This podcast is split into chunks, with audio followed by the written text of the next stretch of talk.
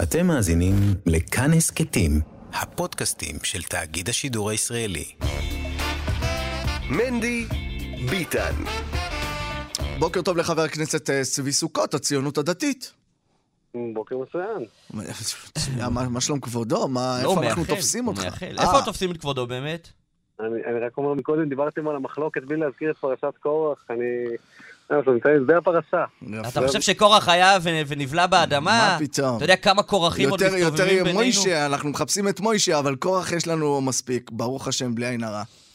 יו, תגיד רגע, האמת שגם אצלכם קצת שמח בציונוס הדוסיס. אה, היה שם ועדה של רבונים, שהחליטו על הרב, אה, על הרב אה, כהנא. מאיר קל למכור. כהנא, כן. ואני שומע שלא מקבלים את ה... את הפ- שהרב מיכה הלוי אומר למקורביו, אולי אני אתמודד על פי פרסומים זרים, אני לא יודע, לא שמעתי את זה ממנו. מה, יש בחירות או אין בחירות? אני לא מכיר אה, דבר כזה, עד כמה שאני יודע, כל המועמדים שהגיעו לה, בעצם לוועדה אה, כדי להתמודד התחייבו שהם יעשו מה שהוועדה תגיד, הרי זו ועדה שאין לה שום אה, סמכויות בחוק או שיניים. נכון. זו ועדה, זו ועדה סוג של בוררות כזו. כן, אז אה, מילא אנשים התחייבו, ואני מניח שאנשים יעמדו בהתחייבויות שלהם. בעזרת השם. בעזרת השם. אה, והציונות הדתית, ככלל, אה, מתגייסת באמת לטובת המועמד הרב כהנא שליטה? כן, כן, בהחלט. תראה, אנחנו מראש אמרנו שלבחור רב זה לא תפקיד של פוליטיקאים. אנחנו רוצים לתת את זה בידיים של הרבנים, ומה שהם, מה שהרבנים יחליטו, אנחנו נעשה בהקשר הזה, ואחרי שהרבנים החליטו, אני באופן אישי לא הכרתי את הרב כהנא, אבל אה, ברגע שהרבנים החליטו, אנחנו נעשה הכל כדי שבאמת אה, הוא יצליח להיבחר, אני מאמין שגם נצליח. בעזרת השם, ודגל התורה שלכאורה חתומה איתכם על איזשהו סיכום שהרב אשכנזי יהיה מהציונות הדתית, ואילו הרב הספרדי אה, מהמגזר החרדי, אה, תעמוד בסיכום הזה ותתמוך גם היא במעמודותו של הרב כהנא? תראה, אני שומע כל מיני קולות, ואתה יודע, מחפשים מתחת לאדמה אה, דברים, פסיקות, אמירות, אולי משהו שהוא אמר בערך ורמיזה, בינתיים אה, עדיין הם לא מצאו שום דבר, אני מניח שהם גם לא ימצאו שום דבר. אה, זה היה קצת היה מגוחך מאמר מערכת ביתד נאמן מהעסקנים שהביאו אלינו את הרב מצקר כרב ראשי. אבל בסדר, אני חושב שבסופו של דבר הם כן יעמדו בסיכומים, כי אנחנו, קודם כל כי אנחנו בסוף גם עם ש"ס בדבר הזה, ולכן אה, בכל מקרה כנראה שהדבר הזה ינצח. אה, וגם בלי, בסוף בהסכמים שלא עומדים, בסוף אנחנו באותה קואליציה. מה זאת אומרת? אתה יודע, בסוף אה, יש, יש הרבה סיכומים בכל הכיוונים בקואליציה הזו. אם מישהו מחליט לצפצף על הסיכומים, אתה יודע, זה אף פעם לא נשאר רק לצד אחד. וואלה. יפה. קמת סרטיבי הבוקר. ברוך השם, אחי. טוב, אה, בוא נדבר על הצעת החוק אה, שאתה מקדם בנוגע למאסר בכירים מהרשות. אני רוצה שנייה להבין את ההצעה, אם אתה יכול להסביר לנו את זה במילים פשוטות. בשמחה רבה, תראה, אה, קודם כל הסכמי אוסלו בעיניי הסכמים נוראים ואיומים, אנחנו שילמנו מחיר דמים גדול, אבל בתוך ההסכמים האלה היה משהו אחד שהוא בעיניי כן חיובי, והוא התחייבות של הרשות הפלסטינית בחוק, בחוק יישום, חוק יישום הסכמי אוסלו, שבעצם מתחייבים לא לעשות שום פעילות ריבונית בירושלים. אה, וזה לצערנו כמובן אה, לא קורה, מצפצפים על זה ברגל גסה, יש אה, מושל ירושלים מטעם הרשות הפלסטינית, יש בתי ספר שהם תקציבים יש להם משרדים שפתוחים בירושלים, מכי כביכול מבחינתם ירושלים המזרחית היא בריבונות שלהם, והדבר הזה לא אמור לקרות. עכשיו בחוק הזה אסור, הבעיה שהחוק הזה הוא פשוט אין לו שום שיניים. אז הצעת החוק שלי באה בסוף לבקש עונשי מאסר. אה, למחירים האלה, למי שבעצם מתוסף על החוק. גם, ש... גם, יהיה... גם יעשו בחוק וגם יהיה עונש. אתה יודע, יש בתורה אומרים יש אה, אזהרה ועונש, אזהרה יש. עכשיו צריך לטפל בעונש. רגע, עכשיו, הבכירים הללו, אה, איפה הם נמצאים? מזרח ירושלים. אהה. ו- אה, ואני שומע אגב, שבתוך... הם, רובם גם מסיתים לטרור, אה, לא מזמן... אה, מושל ירושלים, תמר הרשות הפלסטינית, נעצר אפילו במעצר מנהלי, זה, אנשים אה, בעייתיים מאוד, אבל הרעיון הזה של ריבונות במזרח ירושלים של בסוף זה משהו שקורה, הם לוקחים אנשים לחקירות, הם, זה, זה, זה משהו מטורף. זאת אומרת, אנשים... אה, כאילו, כאילו יש פה מדינה בתוך מדינה, וזה משהו שקודם כל אנחנו. גם, גם לו זה היה בסדר בחוק, היינו נלחמים כדי לשנות את החוק הזה, אבל היות שזה כבר אסור בחוק, אז לפחות שניתן עונשי מאסר.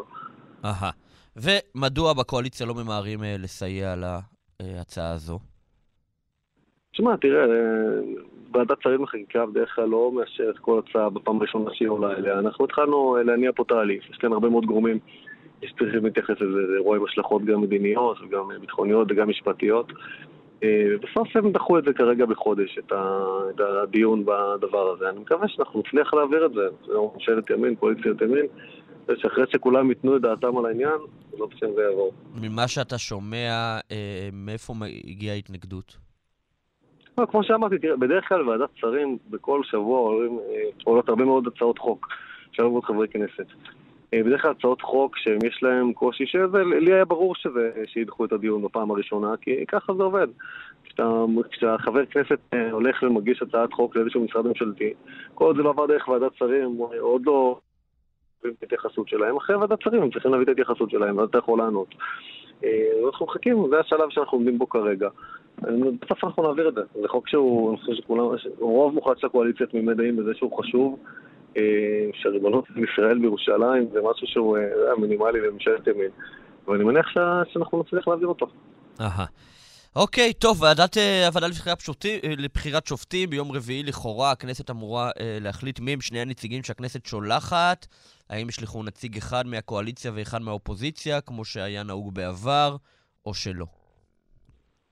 אה, אני לא יודע. טוב, עזוב מה יהיה, מה דעתך שצריך להיות, נכון, זאת השאלה. אני חושב שצריך שני נציגים של הקואליציה, זה מה שאני חושב. למה? אה, מה השתנה ממה שהיה תמיד? קודם כל זה לא היה תמיד, כולם מכירים את המסמך של הממשלה הפריטטית לפני שנייה, אה, שני נציגים היו אמורים להיות מהקואליציה. כי הם כאילו התכוונו, שם כאילו זה ממשלה שכאילו משני הגושים יש. אז בסדר, אוקיי. עכשיו, אתה יודע, אנחנו בסוף, אה, יש פה, יש פה דמוקרטיה. עכשיו אני חושב שבחודשים האחרונים, אה,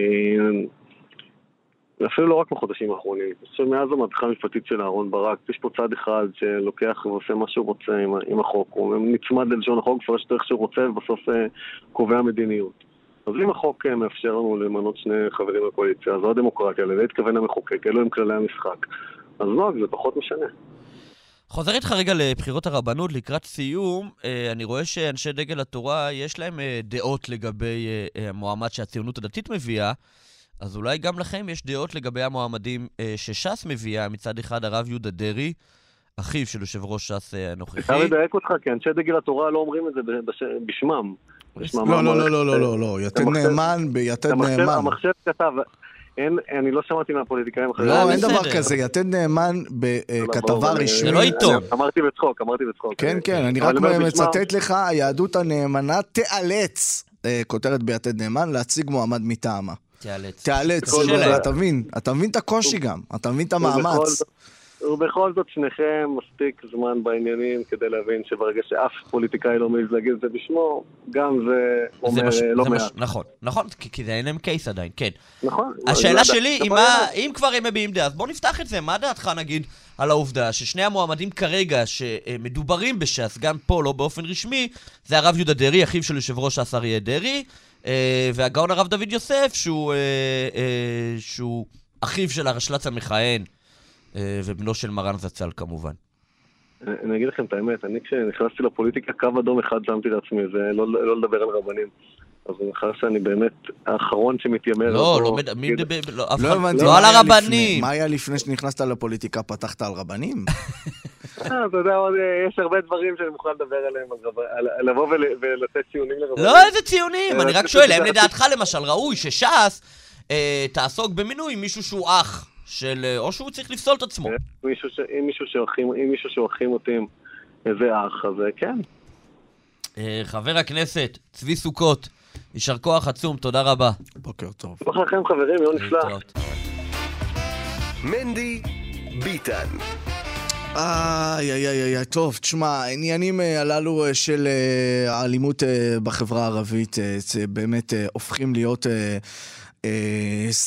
וזה אולי דבר טוב על סדר יומה של החברה הישראלית כולה. אה, כבר אי אפשר אה, לעצום עיניים מול מה שקורה. אסור היה אף פעם לעצום עיניים, אבל בטח ובטח ככל שהגופות נערמות ברחובות, בכירים במשטרה, כך אומרת הכותרת בישראל היום, נגד מעורבות שב"כ. הדיון הזה, האם המשטרה לא יכולה לשאת לבדה במלחמה בארגוני הפשע במגזר הערבי, והאם יכול להיות שצריך לערב את אה, שב"כ, אה, דיון אה, שהוא מעניין מאוד, אני רוצה להגיד שלום לפנחס יחזקאלי. שלום רב. מומחה לשיטור ולעקיפת אה, חוק, לשעבר ראש המרכז למחקר אסטרטגי ולמדיניות של המכללה לביטחון לאומי. בואו נתחיל משאלה כללית, אתה מסתכל על מה שקורה, על הזוועות שמתחוללים ברחובות, מתחוללות. מה דעתך? מה צריך לעשות? אותי לימדו, כשהתחלתי לרפא מערכות מורכבות, שאתה צריך לחפש מי מרוויח מהמצב הנוכחי. וכשתמצא מי מרוויח, תוכל לפרק. מי מרוויח? הבעיה היא שכל הממסד הביטחוני הישראלי מרוויח מהמצב הנוכחי, ולכן גם הסיכוי לפתור אותו הוא מאוד בעייתי, ומה שמנסה השר לעשות דרך המעצרים המינהליים, זה בעצם ליצור איזשהו סדק בתוך הסכר הזה, ולנסות לנסות לשבור את הקונספציה. אז בואו נראה מי מרוויח. מי מרוויח? קודם כל המשטרה והפרקליטות, בשבילם זו הזדמנות אז לסגור את, הזדמנות, את סיפור פגסוס ולהחזיר לעצמם את האמצעים. בעצם, בעצם אם אנחנו אומרים את זה בשפה של מי שלא מונח, אה, מאז אה, פרסום אה, סיפור פגסוס יש איזה פיקוח, סוג של פיקוח ציבורי, תקשורתי, אולי אפילו פרלמנטרי, על האמצעים שבהם המשטרה משתמשת כדי לעקוב ומאז היא כאילו בתקופת מבחן. עכשיו, תוך כדי המאבק בפשע בחברה הערבית, הם יכולים, החגורה הותרה מחדש. נכון, זה סיפור אחד. עכשיו בואו נלך לארגוני הביטחון האחרים, צה"ל ושב"כ. בואו נתמקד בשב"כ. שב"כ בעצם, אה, אני אצטט גורמים ערביים כדי לפתור את הבעיה. אה, משתמש בארגוני הפשע הערבים כדי לקבל מידע על פעולות אה, פח"עיות גם בתוך המגזר, ובעיקר ביהודה ושומרון, בקשרים שיש לארגונים האלה עם ארגונים לוחמים ביהודה ושומרון, הם מספקים להם נשק, הם, אה, ותוך כדי זה הם יודעים, וכתוצאה מזה שב"כ מקבל הרבה מאוד מידעים.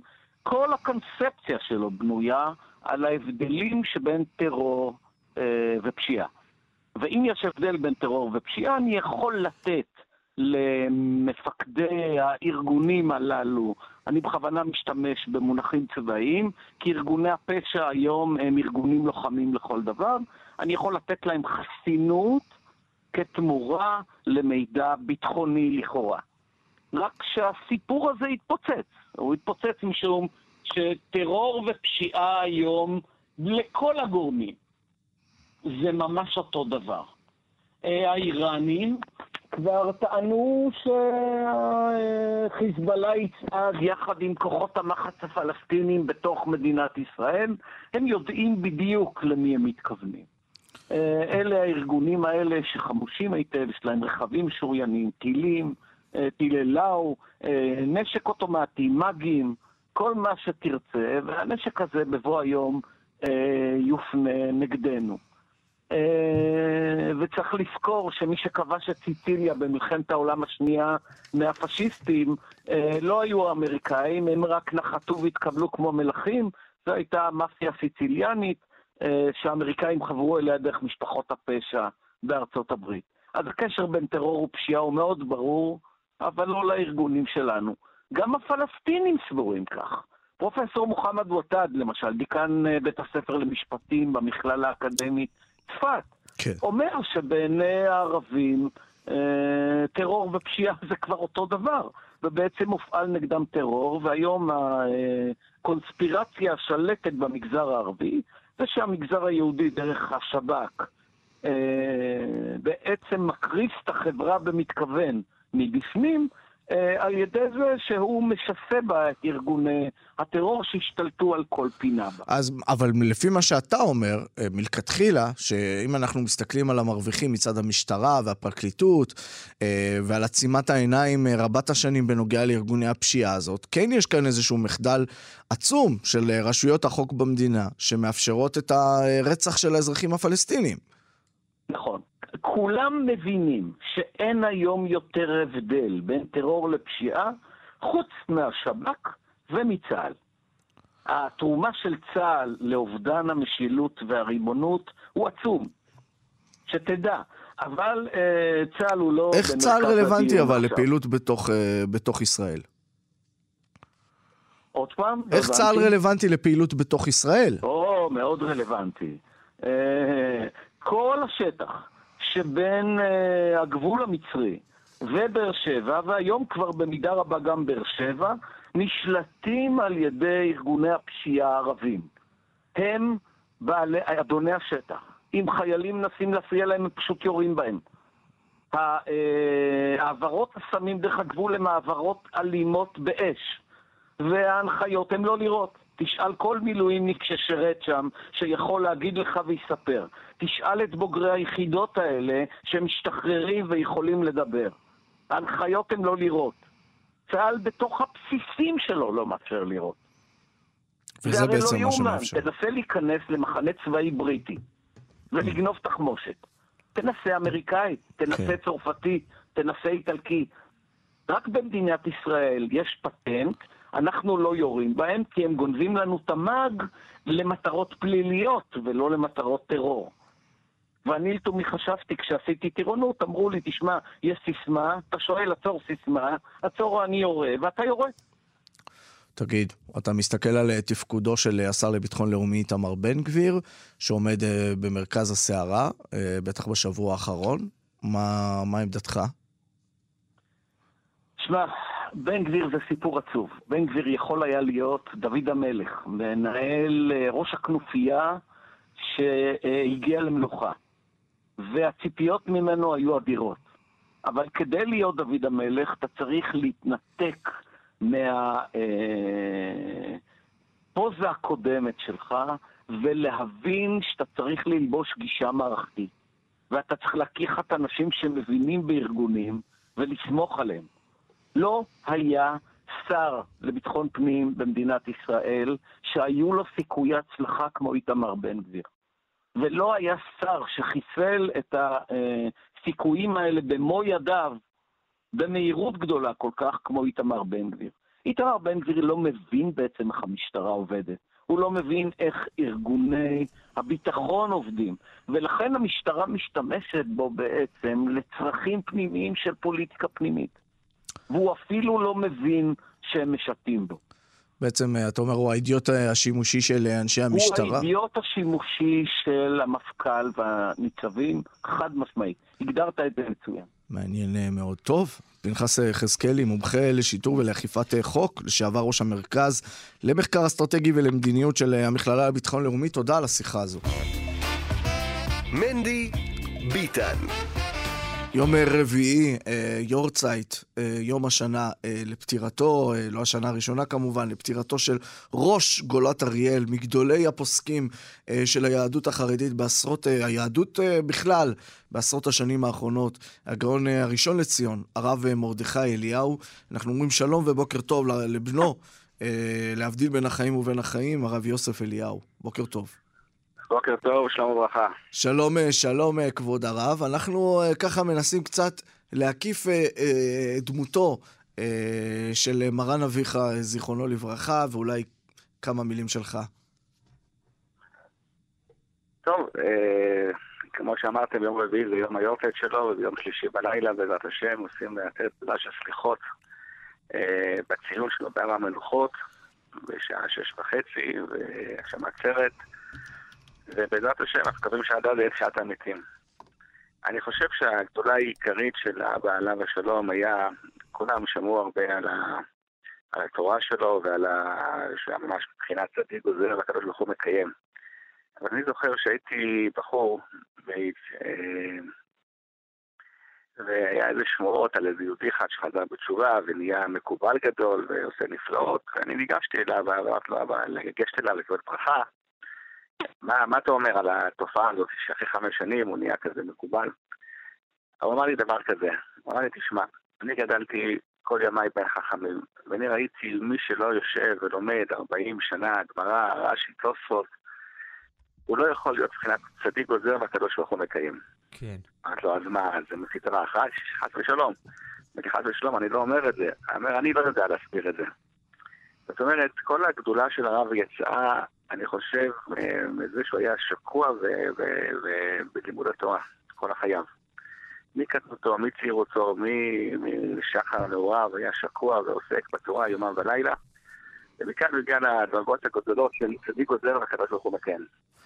כן, אה, באמת, אה, באמת אה, קדושה וסיפורים, וגם אבי שאחד מתלמידיו מספר, אתה יודע, כל, כל ה, גם ההתנהלות היומיומית, אבל גם המופתים שהוא ראה בעיניו.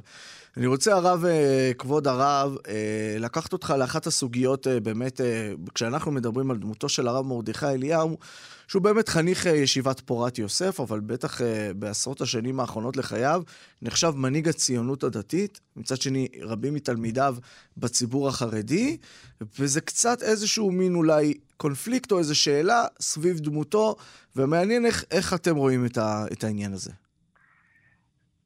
תשאלו את הרב פעם את הדבר הזה.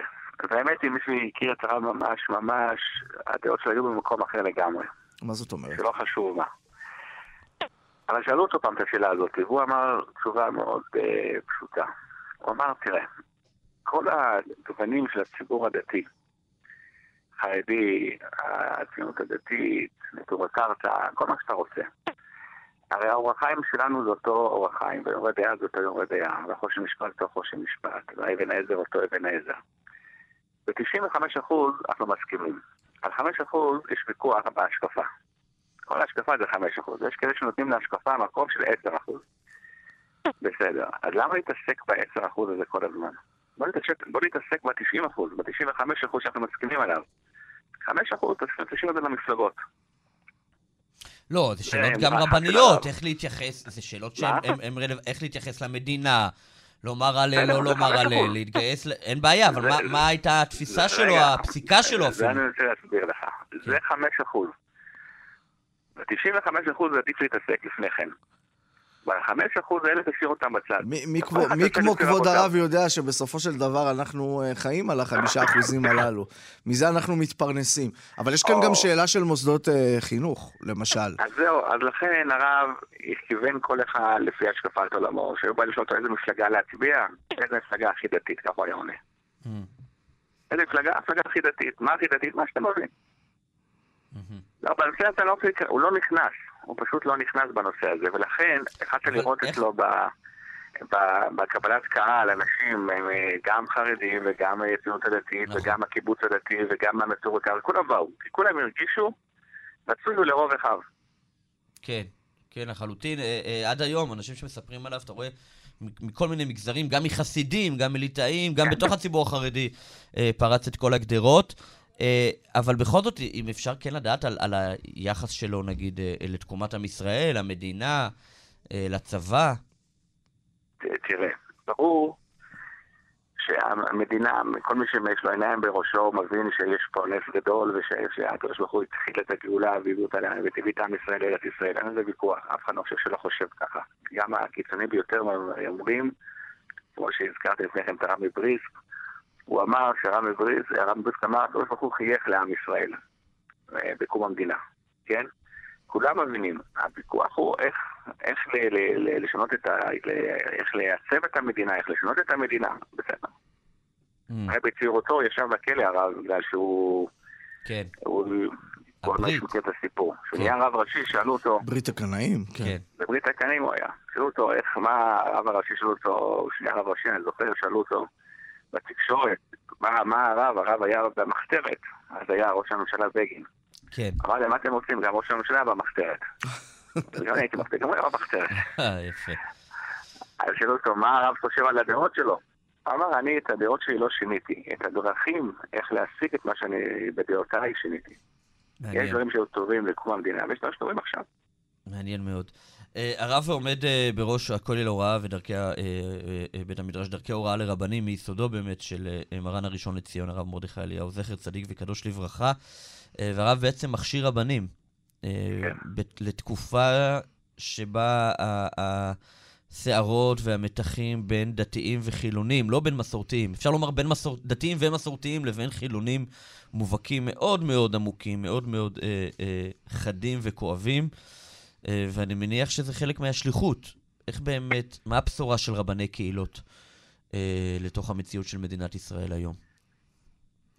אני חושב שהרב, ברגע שהוא כתוב במאור שבה, מחזירה קו.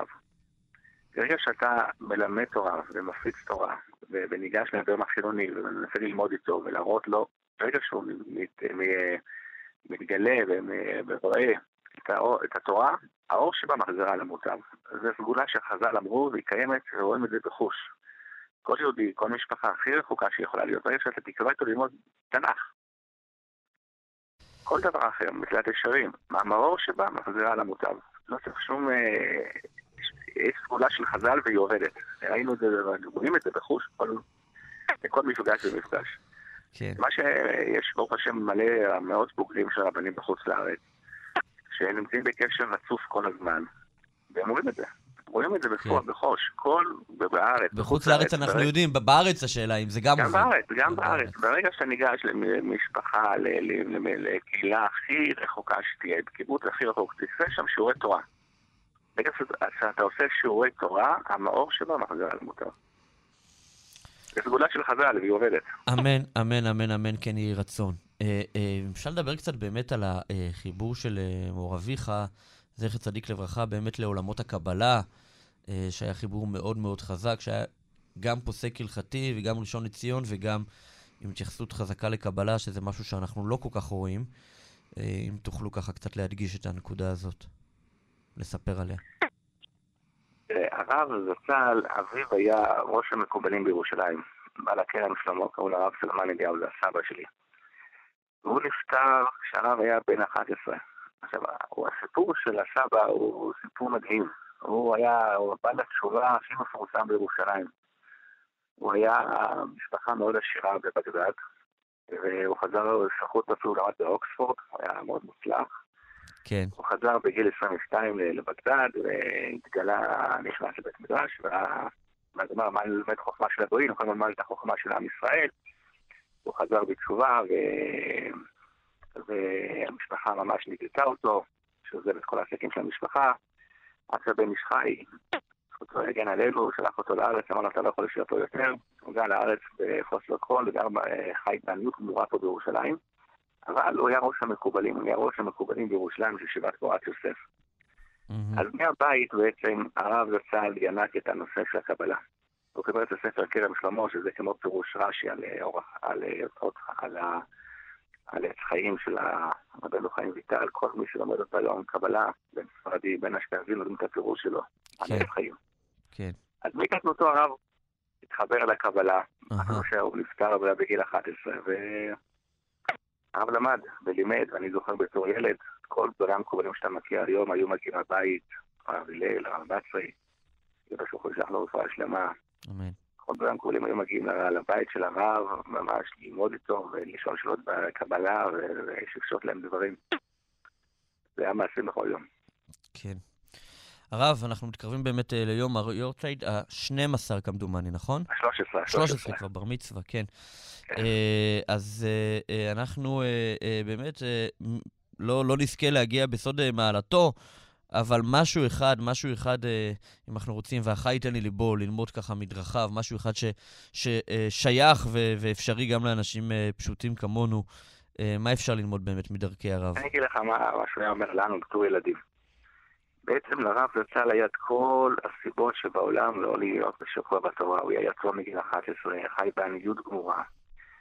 והוא אמר לנו, לילדים, הוא אמר לנו, הבבא סאלי היה בדור שלנו. זאת אומרת שכל אחד יכול להגיע לדרגה הזאת. הרב אליהו היה בדור שלנו. לכל אחד יש את כל הסיבות שבעולם לא להיות עבד השם ולשקוע בלימוד תורה ותורה ומצוות. אבל הוא היה בדור שלנו, עם כל הניסיונות של הדור שלנו, הוא הגיע לאיפה שהוא הגיע. אז התשובה היא שכל אחד מאיתנו יכול להגיע לשם. כל אחד מאיתנו יכול להיות עבד השם פשוטו כמשמעו. אמן ואמן. הגאון הרב יוסף אליהו, ראש כולל ההוראה, בית מד... אה, דרכי הוראה לרבנים, אה, שבאמת אה, נזכה שזכותו תגן עלינו ועל כל עם ישראל. אמן, אמן. תודה רבה. אמן, תודה רבה. תודה, כבוד הרב. מנדי ביטן בשבוע שעבר, מנדי, אה, כנס אה, מרשים מאוד אה, בבית שמש של כוללים, רשת הכוללים אחווסטיירה. כן. אחווסטיירה, אחוות תורה, למי ממאזינינו. זו רשת כוללים לא שגרתית. נכון. היא לא רשת כוללים לאברכים שתורתם אומנותם ושלומדים בוקר עד ערב. בוקר עד לילה. אלא אנשים שעמלים לפרנסתם. לא כולם עמלים, חלקם עובדים לפרנסתם. כן. לא עמלים. עובדים בכיף, אבל כן. רובם עמלים אה, לפרנסתם, ורשת הכוללים אחוות תורה בעצם מציעה להם את, ה, את המסגור, אה, גם להישאר בתוך עולמה של תורה, מה שמורכב. רבים מהחברים שלנו שיצאו לעבוד, ברגע שיצאו לעבוד הפסיקו ללמוד. כן. וכך זה התחיל רשת הכוללים הזו, וצברה כוח והשפעה. יש כוללים לשעות ספורות ביום. כן, לפעמים בשבוע, וצברה כוח והשפעה, אבל מי שעומד בראש קהילה, הכולל... היא כבר כן, קהילה, היא כבר קהילות. קהילות. יש קהילות כבר של אחוות תורה, זה, זה נהיה המודל. יפה. אה, מי אם- שעומד כן. בראש אה, רשת בעצם, הכול- רגע, רגע. אני- מנדי, אייטם שלי, אתה יודע שזה חשוב לי, אני ביקשתי לדבר. למה כבודו ככה רגע, נכנס לי רגע, אני בשפה? רוצה להגיד, אתה יודע שאני מהבוקר ביקשתי, אם עד היום, אוקיי, אם כן. עד היום, אתה יודע, שאמרו חרדים עובדים, זה היה שם נרדף לחרדים מודרניים, כן? אז היום הם רצו לשנות את התדמית, והם להגיד לו, "מה, מי אתה? אני אחווה סטיירניק. Mm, חרדי עובד. אני אחווה סטיירניק. יפה, יפה. כן. ראוי היה אה, לעצור לי מי שעומד. בראש הרשת הזאת, זה דוד לייבל. הגויין רב דוד לייבל. הגויין רב דוד לייבל, אה, וכידוע, מנדי לא מפרגן לגויין אה, רבר, הוא מפרגן לכל אחד, כן. אבל לגויין לא. אה, תלמיד חכם גדול מאוד, אה, שהוא עומד ויש לו גם עמדה אידיאולוגית. כן. זה לא רק, בוא אה, תלמדו בערב, הוא עמדה אידיאולוגית של... כן, לכתחילה הריבר, כמו שאתה אוהב להגיד, אה, ו- וזה נראה, וזה נראה ונשמע אחרת. שבוע שעבר במהלך כנס של אברכי הכוללים בבית שמש, עומד הרב לייבל ואומר דברים שאפילו הוא לא אמר בעבר. שאפילו לא אמר בעבר. יכול להיות שיש אה, רבנים שהלכו לעולמה, מה שנקרא, אה, התפנה מקום. אה, והדברים יכולים להיאמר. בוא, בוא נשמע את הקטעים, כן. בוא נשמע קטעים. אה, בוא נתחיל. אוקיי, הנה הרב דוד לייבל. אני בעצמי יושב כל החיים בבית המדרש עם אנשים שרוצים להבין את התורה, ללמד אותה, להשפיע אותה לנחלת הכלל. אף אחד לא מעודד ולא מנסה להוציא אברך שהוא שקוע בלימודו. ואני בעצמי כל כך מייקר תלמידי חכמים שאני מחזיק רשת כוללי רב קיבייגר אברכים שלומדים כל היום כבר למעלה משלושים שנה. לצד זה,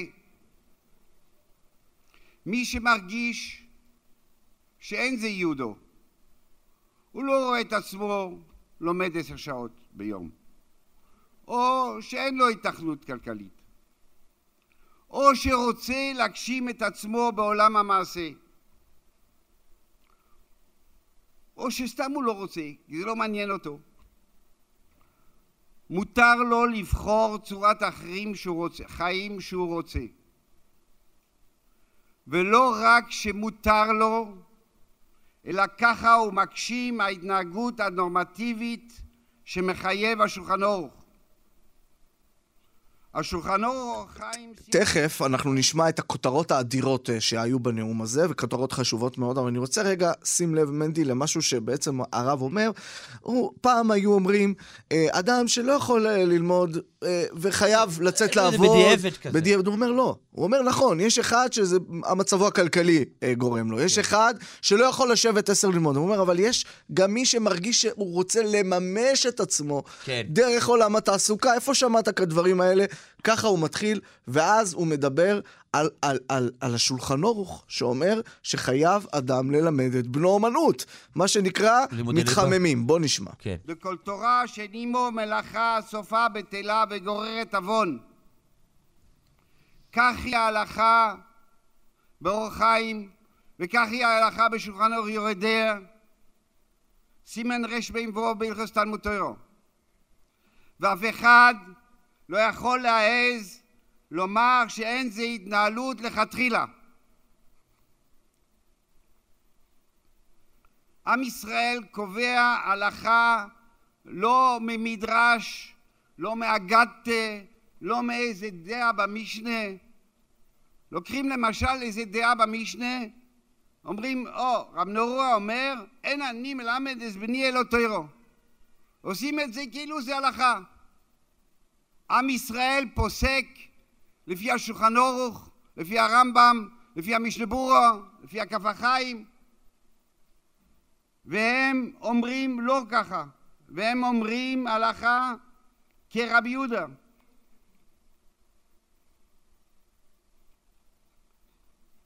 שמה אומר רבי יהודה? כל שאינו מלמד את בנו אומנוס, כאילו מלמד ליסטוס.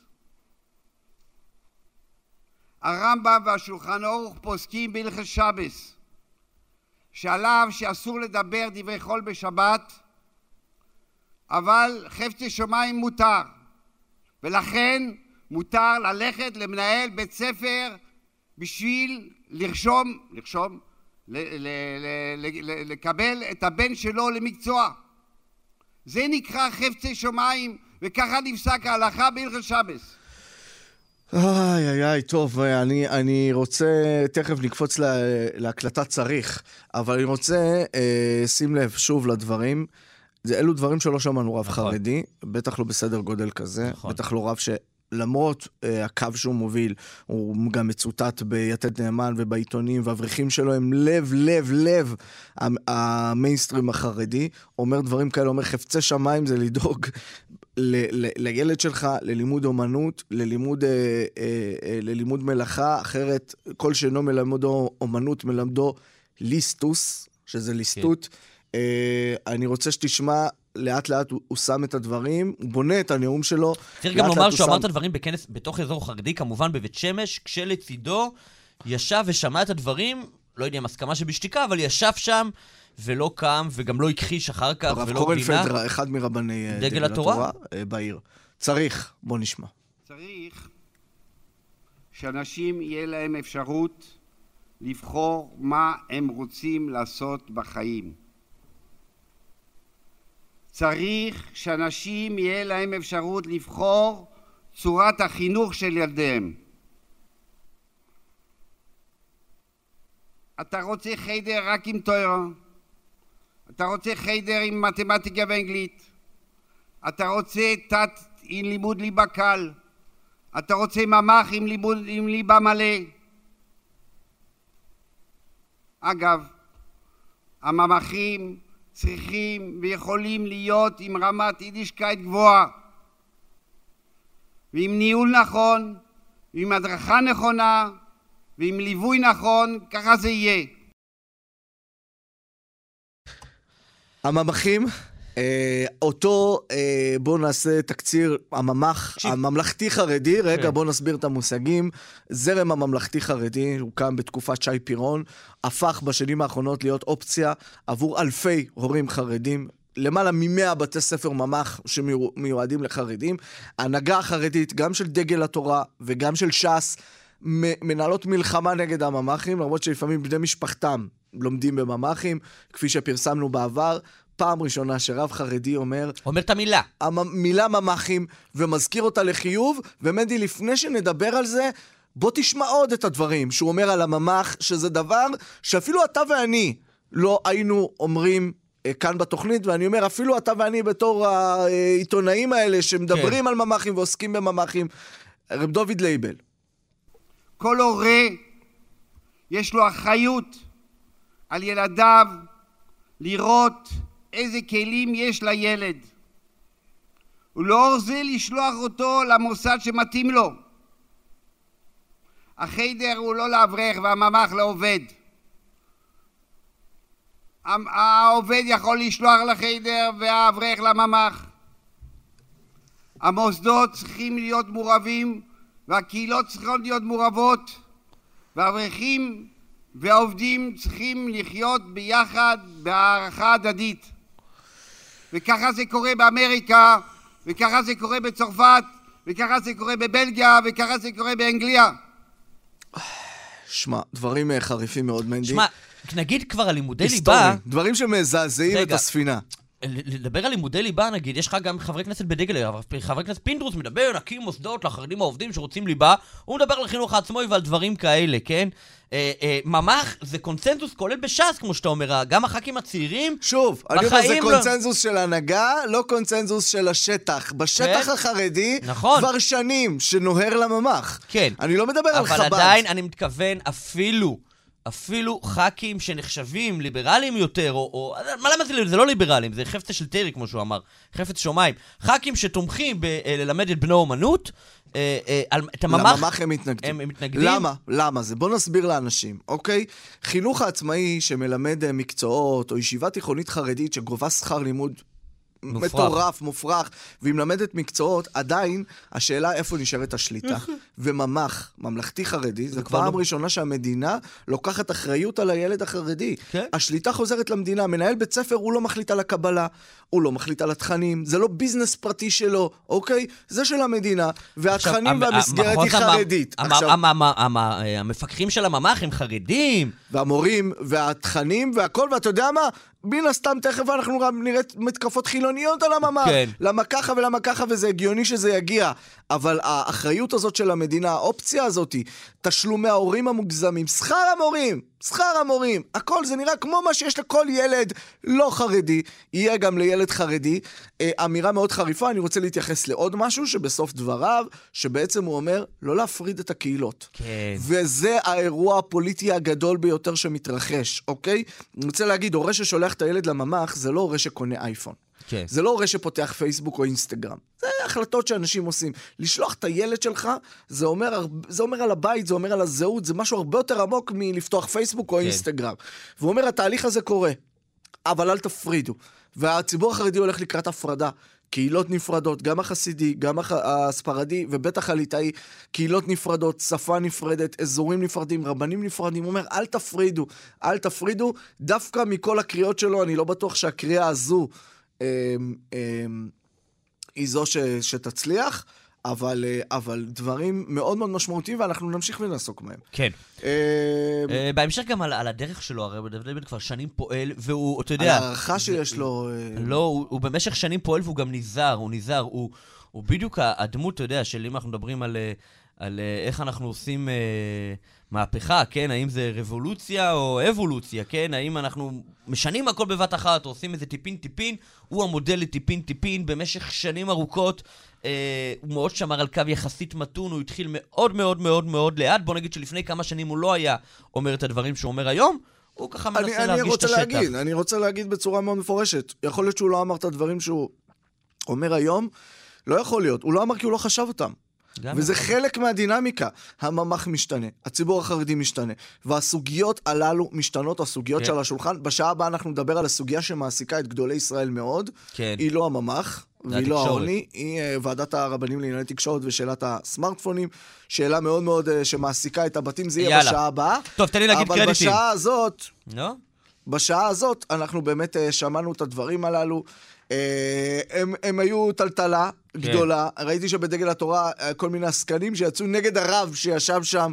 זה לא עובד, זה כבר לא עובד. בוא נצא ובוא נכתוב ובוא נפרסם מכתב. יש כאן תהליך חברתי משמעותי מאוד שקורה בשטח, ואנחנו מנסים להבין אותו אה, ולתאר אותו במילים ובכלים שלנו. מנדי ביטן. סכר אה, נובה אה, קרחובקה אה, פוצץ, אה, כנראה, ככל הנראה על ידי הרוסים, מנדי, בזמן שאתה אה, היית בפולין והתרת על קברי קדמוננו, אנחנו אה, כאן היינו עם הפיצוץ הנורא הזה. אה, השחתה וסיכון, אה, גם השחתה של הטבע וגם סיכון של אה, אה, מאות אלפי בני אדם שחיים סביב. אני רוצה להגיד שלום לידידנו, הרב אברהם וולף, רבה של אודסה. בוקר טוב. אה, שליח חב"ד, אה, נאמר, ורב הראשי של אודסה ודרום אוקראינה אה, כולה. רב אברום וולף, אתה נמצא שם, באודסה. איך התחושות מול האסון הנורא הזה? התחושות הן של חשש גדול, בעיקר מאמצים גדולים ביותר להציל ולעזור לאלו ש... שלא נפגעו. המזל שהיה פה שלקח יותר מ-24 שעות מהרגע שנודע לנו על הפיצוץ, עד שחב"ד אה, בחרסון, השליח של חב"ד בחרסון, הרב יוספורד, זה אחי, כן. הספיק לחלט, הספיק למפ... למפות קודם כל את כל, ה... כל האנשים המבוגרים שחיים באזור הנמוך של העיר, והספיק ממש בדקות האחרונות לחלט 12 ניצולי שואה וותיקי המלחמות, אנשים שכבר שכבו בית, ואם לא היה מגיע אליהם, הם פשוט לא היו חיים היום בעצם. הוא הגיע ל-12 משפחות וכל כל משפחה קיבלה אה, צוות חילוץ עם אמבולנס שהספיק שהמים הגיעו לבית שלהם, כן. כולל הבתים מעליהם, והעבירו אותם ל- לבית אבות של חב"ד באודסה. אודסה. היה לנו. כמה מיטות שהספקנו להכין להם. שמע, וקיבלנו ה- 12. העבודה שלכם אה, בימים, כל יום ויום, אני אה, זכיתי לראות אותה במו עיניי, אבל כל יום ויום, אבל בטח בתקופות כאלה, זה פשוט בלתי נתפס מה שאתם עושים שם, וזה שאתם אה, נשארים ומגינים, וככה עם המשפוך והקהילה, ודואגים ומצילים חיים כפשוטו, אבל אני רוצה להבין קצת מבחינת התחושות של האנשים, מול אסון גדול כזה, מה, מה בעצם אנשים מרגישים? פחד? אולי הניסיון הזה אה, אה, להשיב את ה... אה, למתקפת הנגד האוקראינית, אולי הוא ייכשל? מה, מה התחושות? לאן, לאן זה הולך? אנשים באמת אחרי שנה, כמעט שנה וחצי של מלחמה, אנשים פשוט כבר חיים את היום-יום ומתקשים לחשוב על הדברים הגדולים, כל אחד חי את הפינה שלו. אנחנו כארגון על, אנחנו עושים כל מאמץ לספק להם חיים, לספק להם חיים נורמליים, שזה מתחיל את ה... רק אסבר את האוזן, אה, העברנו מאודסה לחרסון, לאחי, 17 טון, שזה- זה 17 אלף בקבוקי מים שיוכל לספק לקהילה שלו מים, כי מערכת הביוב, מערכת המים בחרסון קרסה לחלוטין. העברנו לו שלושה משאיות של אוכל, עם אורז, עם לחמים, עם קמח, עם, אה, עם, עם כל, עם, עם כל מצרכי הבסיס, שיוכל פשוט להחזיק את הקהילה שלו חיה ונושמת, כי פשוט אין, אין אוכל ואין מים שם. ואנחנו מספקים את הכל, אנחנו מספקים גם את החיים הרגילים, יום-יום, את, את בתי הספר, את גני הילדים. הרב וולף, אנחנו ממש מתקשים, נראה לי אה, הרוסים אה, התלבשו על הקו שלך. התלבשו על הקו, ו- אם תוכל אולי לזוז לכיוון החלון, בינתיים אני אשאל... אבל אה, להיזהר כמובן, חלון, מנדי, זה אודסה בזמן מלחמה. כן. לא ליד החלון, אבל אה, אולי ליד הקיר. אה, באמת חלק גדול, חלק הרי מהמוסדות שלכם ומאנשי הקהילה, אני מניח, כבר נמצא, נמצאים מחוץ, מחוץ לגבולות, לגבולותיה של אוקראינה, וחלק גדול מהיהודים כמובן בפנים, ואתם צריכים גם אה, לקיים את הקהילה אה, בתוך אודסה, וגם אה, לדאוג, אה, מה שנקרא, ל... לפרברי אודסה, שהלכה והתפשטה לה לאיפה? באירופה, בישראל, במוקדים שונים. צריך אה, ככה לחלוש אה, על כמה מוקדים. קודם כל, אנחנו בחודשיים הראשונים של המלחמה, הקהילה פינתה 20 אלף יהודים מהמדינה, חוץ למדינה.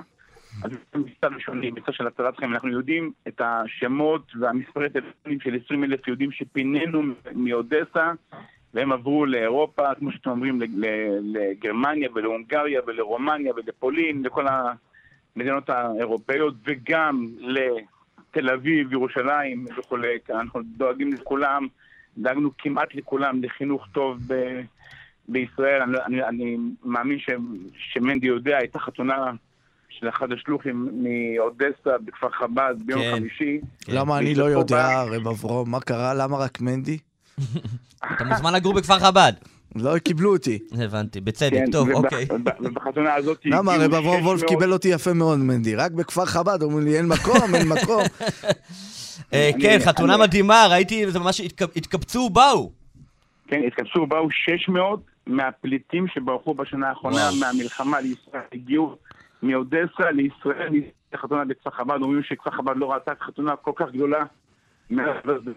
אז ברור שאנחנו דואגים לכולם ומטפלים כן, בכולם. ועדיין, אה, ועדיין אתה. אומר, צריך הרבה תפילות ומאמץ. רב אברום אה, וולף, אה, מה זה רבה- רב אברום?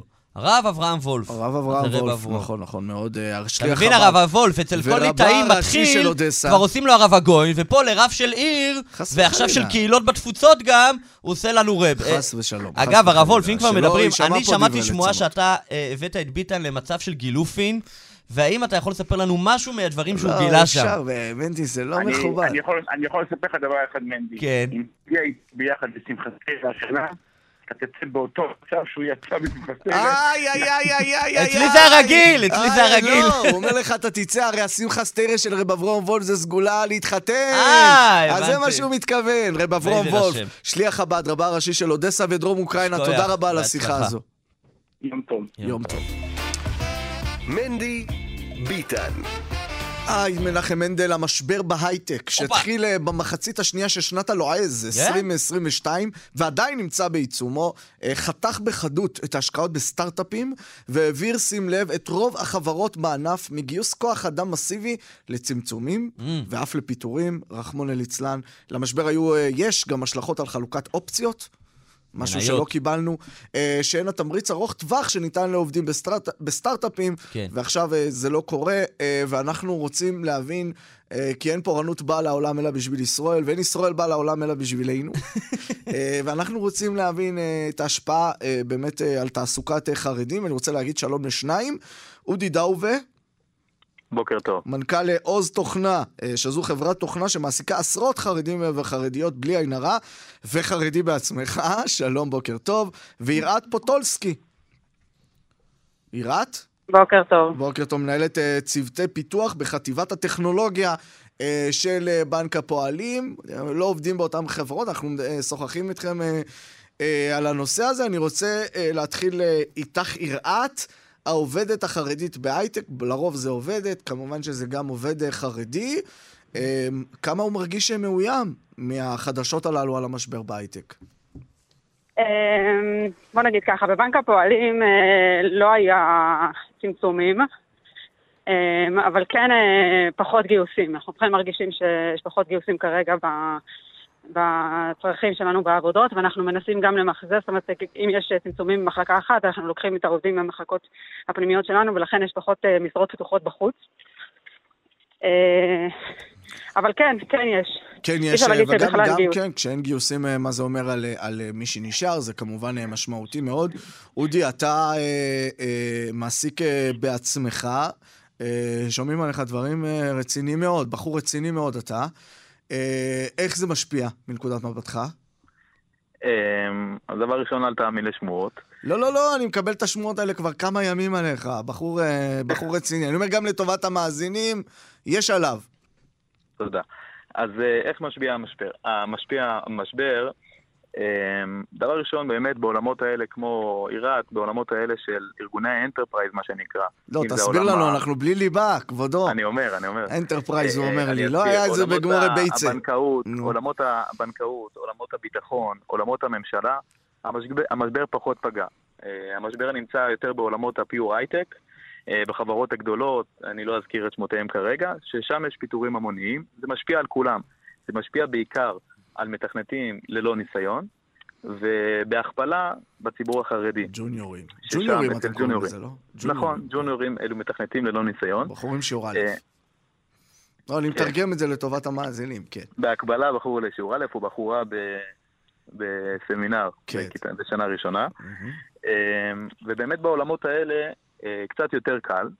מה שכן, אנחנו עובדים מאוד חזק לשפר מיומנויות בציבור החרדי, בעיקר בקרב מתכנתות בציבור החרדי, ולהתאים אותן למגמות שקורות היום בתעשייה, אם זה טכנולוגיות חדשות, ואם זה תחומים חדשים שאליהם ה- העולמות האלה, גם העולמות הפיננסיים, גם העולמות הביטחון הולכים. מתכנסים. אה, אני מניח שבסוף מגיע לבינה מלאכותית ו-AI, מגיע. ל-AI, מגיע לכל עולמות הענן, מגיע לכל עולמות בעצמנו לא, מה שאנחנו צריכים כמובן זה משקפיים, אה, המשקפיים האלה של אפל, שיהיה מותאם לבני תורה, שאפשר כאילו לשים את המשקפיים ולראות את גדולי ישראל אה, בחתונתם ובשמחתם. לראות את כל הצד רוצה- מהמשקפיים. כן, עירת, אני רוצה באמת לשאול אותך על ההיבט הזה של העובדת החרדית. קודם כל, במשך שנים הייתה איזושהי תחושה שההגעה להייטק היא הגעה אל המנוחה ואל הנחלה, או אנחנו מגיעות להייטק, עכשיו אפשר להתפרנס בכבוד, ואז השמועות על המשבר, והמשבר שהופך להיות נוכח, פתאום אומר, אולי, אולי יכול להיות שהימרנו על הסוס הלא נכון? אה, בוא נגיד ככה, משברים בהייטק זה משהו שגלים עולים ויורדים, זה משהו שמאז שאני זוכרת את עצמי בתחום, זה, זה כל הזמן ברקע, זה לא משהו חדש. כל הזמן יש אה, עליות וירידות, עדיין זה התחום הכי חזק, אין משהו אחר שיכול אה, לשבות, אה, להשוות בקטע הזה, לשבות בקטע הזה. ה- המשכורות, כמות המשרות שיש, כמות המגוון שיש, הסיבוס. הסיבוס. אין כזה דבר, אין כזה סיבוס בשום. מקום. כן. אה, באמת תנאים מאוד מאוד טובים. מה שכן, אני היום במסגרת הפעילות שלי בהעסקה של חרדים, חרדיות, אה, נמצאת בסמינרים, מדברת איתם על זה הרבה. צריך להתאים גם את השאיפות ואת הציפיות. מה זאת כל אומרת? אחד ש... ג'וניור שסיים לימודים, בטוח שהוא עכשיו יתקבל לכל משרה ויקבל ישר את המשכורות של הייטק, אז לא, כמו שבכל תחום יש את הקטע של הסטאז', עורך חשבון, עורך דין, כל אחד שמסיים לימודים, ברור לו שבהתחלה הוא מרוויח פחות בשביל להתקדם בהמשך, אז גם בהייטק אותו דבר. ודווקא זה שיש את המשבר, ואנשים מחפשים משרות במשכורות יותר נמוכות, זו הזדמנות לכל מי שמגיע עם, אה, עם צניעות, למצוא מקום, אה, למצוא מקום מתאים. מה שכן שווה להתמקד זה במקומות עם אה, טכנולוגיה גבוהה וטכנולוגיה מתקדמת, כמו שאודי ציין, ולא ללכת למקומות ששלמו לך, אבל דברים ישנים. דברים ישנים, ואז בעצם הניסיון שלך הוא לא כן. רלוונטי לגבי העבודות בדיוק, הבאות. אז שווה להתמקד בהתחלה כג'וניור, דווקא בטכנולוגיה, דווקא בזה, ולעזוב את המשכורת, לעזוב את השעות, לעזוב את המרחק, לא להתפנק, לא לחשוב שאם אני למדתי הייטק אז... אה, לא להתפנק, כל הרעיון של הייטק זה להתפנק, אבל אם אני מבין נכון... כן, בהתחלה לא, זה יגיע, יגיע. זה כמו, תחשבו, זה כמו בגדול. תרא, זה- אוקיי? בהתחלה מתאמצים, מתאמצים, ואז מגיעים הפינוקים והרכבים של גדולי ישראל, ובכלל העולם הבא אנחנו לא מדברים בכלל. אנחנו יודעים לחכות בפרוזדור כדי אה, להגיע לפרק- אז זה פרוזדור לטרקלין. מאוד מאוד קטן, זה אה. לא מדובר פה על 80 שנה, לא מדובר פה. על... אה, בדיוק. שנה, שנתיים, קצת להוריד את הראש, המשברים עוברים, הגלים עוברים, מי שיודע לשרוד הוא... הוא מעניין. החזק יצליח. אם אני מבין עוד ממך, משהו, אבל... גם אם- מעבר לזה, כן, עוד אוקיי. משהו, גם בקטע של חרדי, אני חייבת לומר שיש באמת שינוי עצום בשוק הזה. כשאני התחלתי, אה, יצאתי לעבודה לפני 20 שנה, היינו לבד, היינו בודדים, היינו פירורים, לא היה לנו ליווי, לא היה זה. היום יש את החברות האלה כמו כיוון בירושלים, שמביאים את, ה, את הליווי, את התמיכה, את ההשמה, דברים שלא היו, ובאמת יש היום אה, את הפריבילגיה להיכנס להמון המון מקומות שלא היו בכלל אה, רלוונטיים. טוב, אה. אתם ממשיכים לדבר, וגם אנדי וגם אני רוצים לעזוב את מה שאנחנו עושים ולעבור להייטק, וזה, אה, אנחנו לא רוצים שזה יגיע למחוזות האלה, כי צריך גם אה, מה שנקרא מוכרים במכולת. אבל אם אני מבין ממך, עירת, כן להמשיך לראות בהייטק יעד, למי שרוצה ורוצה להתפרנס בכבוד. כן. לחלוטין. אודי, אתה גם חושב?